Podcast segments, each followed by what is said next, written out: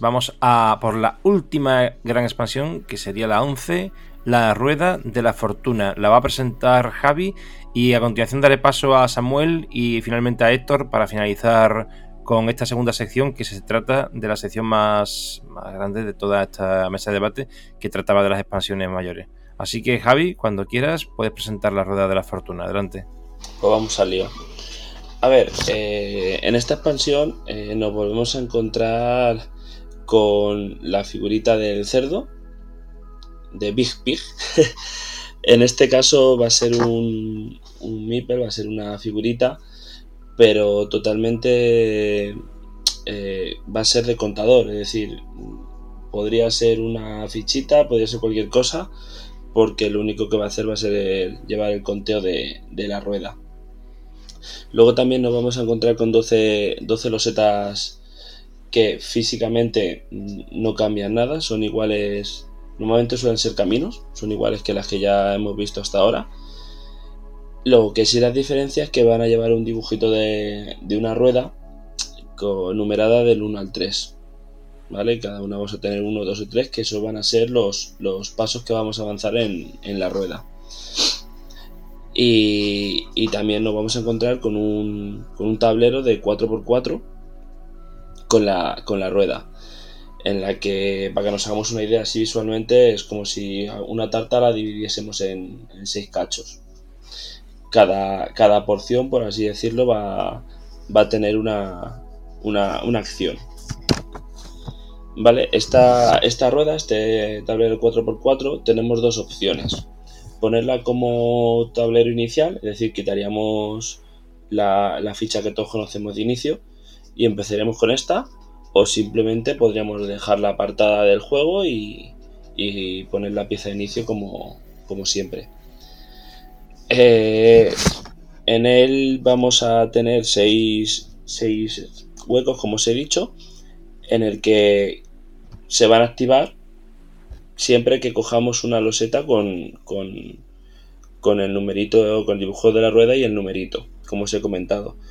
Lo primero que haremos será eh, mover el cerdo tantas posiciones como, como nos diga ese número, hacer la, ejecución de esa, de esa casilla y puntuar en caso de que tengamos MIP, que esto luego lo explicamos más adelante.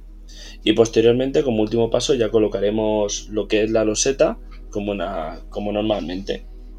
En este paso tenemos la opción de colocar el, el MIP, el seguidor, o el queco, como le queráis llamar, en la loseta que hemos colocado o en una de las eh, casillas, por así decirlo, de, eh, que tenemos en la, en la, rueda.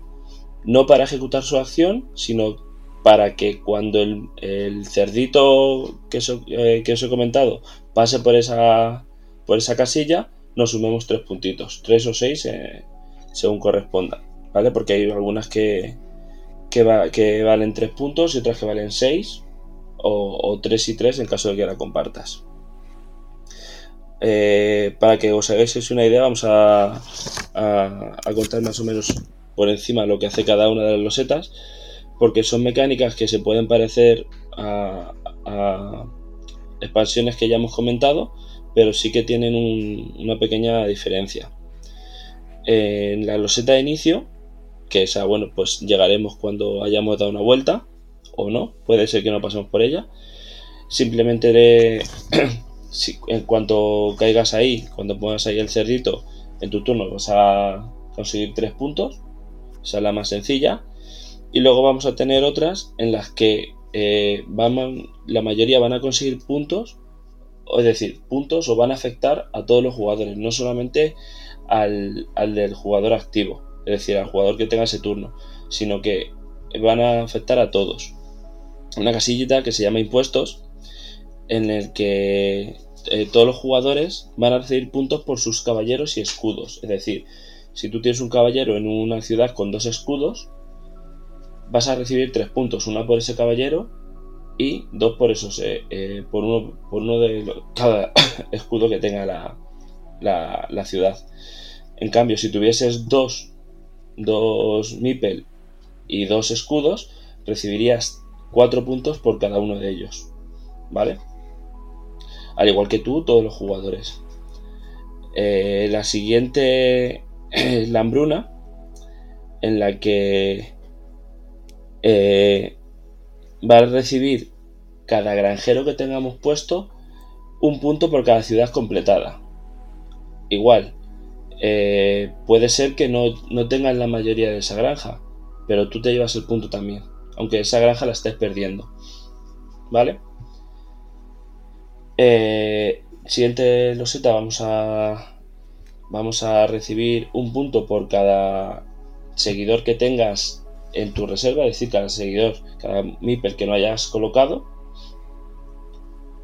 En la siguiente, como os podréis imaginar, lo que falta por, puntuar son, son, los monasterios, que cada jugador que tenga un MIPEL en, en, un monasterio va a recibir dos puntos. Y la segunda, la que a mí más me gusta, más gracia me hace, o sea, la segunda, la última, eh, es la plaga en la que todos los jugadores, por orden de, turno, van a recoger un seguidor, un, un que tengan colocado en, el, en, las losetas. ¿Vale? Esto te puede venir bien. Puedes recuperar a lo mejor un, un que lo tenga bloqueado. Como te puede venir mal. Y tienes que recuperar el único Mipel que tienes puesto en una ciudad que te queda solamente una tapa. ¿Vale? Esto es según el momento en el que caiga, te puede venir bien o mal. Y, creo que eso es todo lo, todo lo que tiene, tiene esta expansión. A mí personalmente es una expansión que, me gusta mucho jugarla, me parece muy divertida y, muy dinámica porque al final está, quieres que no estás sumando puntos, te interesa siempre tener Mipel.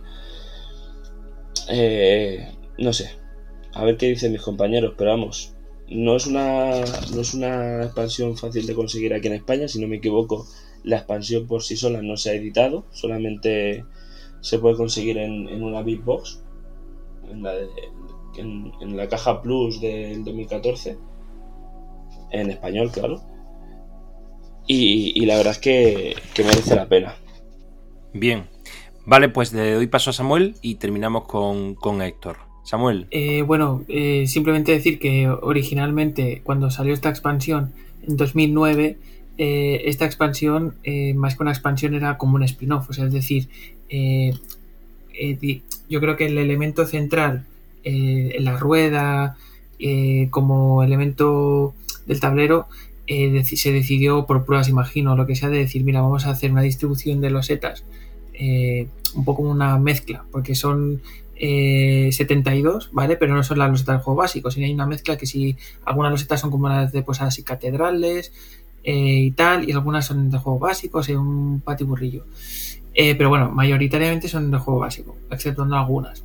Pero quiero decir, es, una, es un juego como tal en el cual eh, tú puedes añadir más expansiones, puedes añadir eh, muchas de las que hemos visto antes y tal. Sí que es cierto que al tener este elemento central de la rueda, pues bueno, le da un toque un poco distinto, eh, puntúas eh, cosas extras, hacer acciones, pero tampoco es una cosa que realmente sea como, vamos, no más. Es como, bueno, es como un toquecillo. Igual que está el Conde, que es la ciudad de Carcassonne, y eso te cambia completamente la dinámica y todo aquí. Eh, son como pequeños toques, pero sí que es cierto que por el tipo de, expansión y tal, pues para darle más, eh, que se note más todo, pues eh, decidieron, pues en lugar de como que si 18, que si 12 losetas, pues aquí ya es un juego como tal propiamente básico. Ahora sí que es cierto que luego, posterior, y como decía Javier, cuando aquí no, se ha editado nunca, entonces aquí se pudo conseguir luego en la Big Box de 2014, pero ya es que es otra distribución porque son menos losetas. Ahora no sé exactamente eh, cuántas, pero muchas menos. De hecho, eh, es, otra distribución, no es, no es, la misma. Entonces yo sí que recomendaría, si quisierais eh, jugar con esta, buscarla por internet, eh, por eBay a veces se vende, de conseguirla, eh, digamos, la edición de 2019, que es la que te viene con, con las 72 losetas, eh, más como más un pack que, que no en la Big Box, pero bueno, eso simplemente. Vale, pues Héctor. Sí, al, final lo que hacen en la Big Box, tú tienes la posibilidad de jugar el, el juego base normal o reemplazar alguna de las de las losetas eh, para que sea la distribución de, de, la versión standalone de la Rueda de la Fortuna. Y entonces, pues bueno, hay todos estudios muy sesudos de qué losetas entran, qué losetas salen, pero vamos, que básicamente para lo que a nosotros nos interesa de distribuciones, pues eh, añaden, por ejemplo, pues un dorito con carretera desde la ciudad hacia la derecha, hacia la izquierda, la tapa con carretera hacia la derecha, a la izquierda, al frente. O sea, cinco de las de las configuraciones del juego base que no tienen loseta, aquí que no, que no hay loseta para taparlo, lo tienes aquí. Y lo único que te quedaría es sin el, tubo con una carretera o el tubo con dos carreteras, por ejemplo, que serían los dos huevos que tendrían para, para completar. Eh, y en estos solapes, pues bueno, eh, al final todas las losetas de recta, de curvas, el cruce y algún dorito, pues le han añadido, le añaden los numerillos, pero siguen funcionando exactamente igual que, en el, para juego normal que para la rueda de la fortuna, ¿no? que no, no hay grandes cambios, pero sí, es, interesante.